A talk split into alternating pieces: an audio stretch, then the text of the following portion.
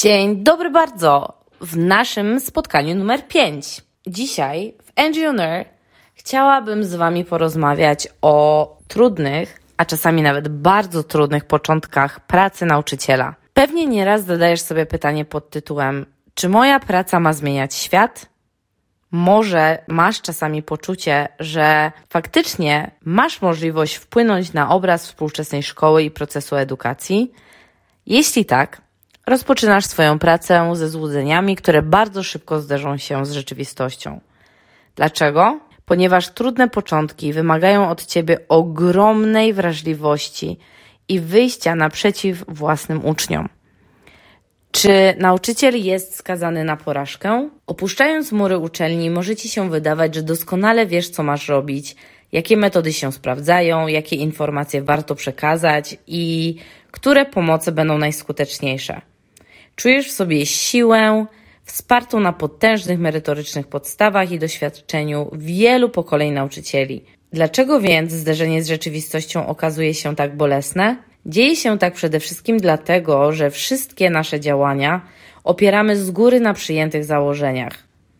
Wydają się nam one słuszne, dopóki nie nastąpi konfrontacja z rzeczywistością. A uwierz mi, że rzeczywistość potrafi nieraz zaskoczyć. Wtedy to przekonujesz się, że musisz szybko przewartościować swoje podejście do pracy w zawodzie nauczyciela.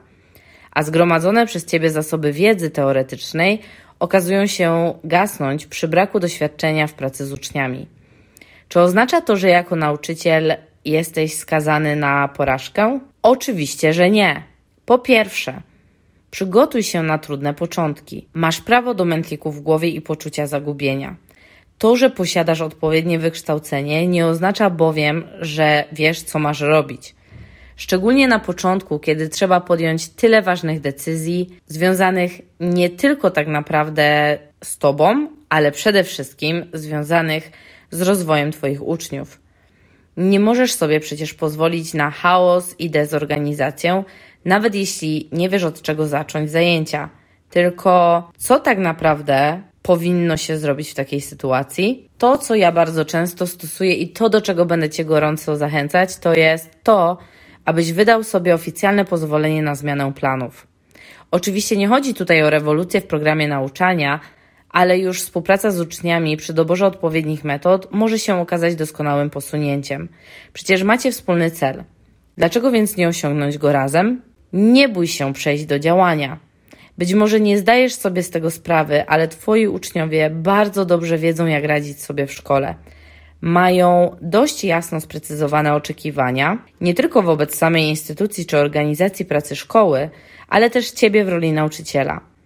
Nie ma więc nic złego w tym, że zapytasz ich podczas lekcji, jak chcą ją spędzić.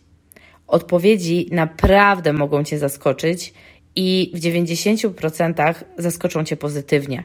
Wystarczy, że zaufasz inteligencji swoich uczniów. Pozwolisz im na samodzielne podejmowanie decyzji, które oczywiście będzie też wiązało się z odpowiedzialnością.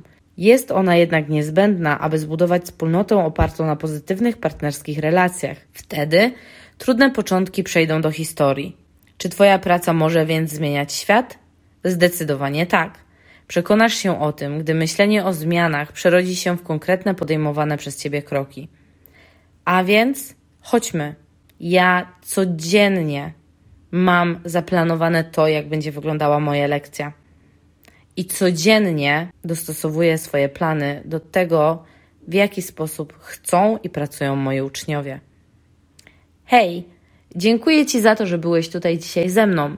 Zapraszam Cię na odcinek numer 6 naszego podcastu Angie on Air. Bye bye!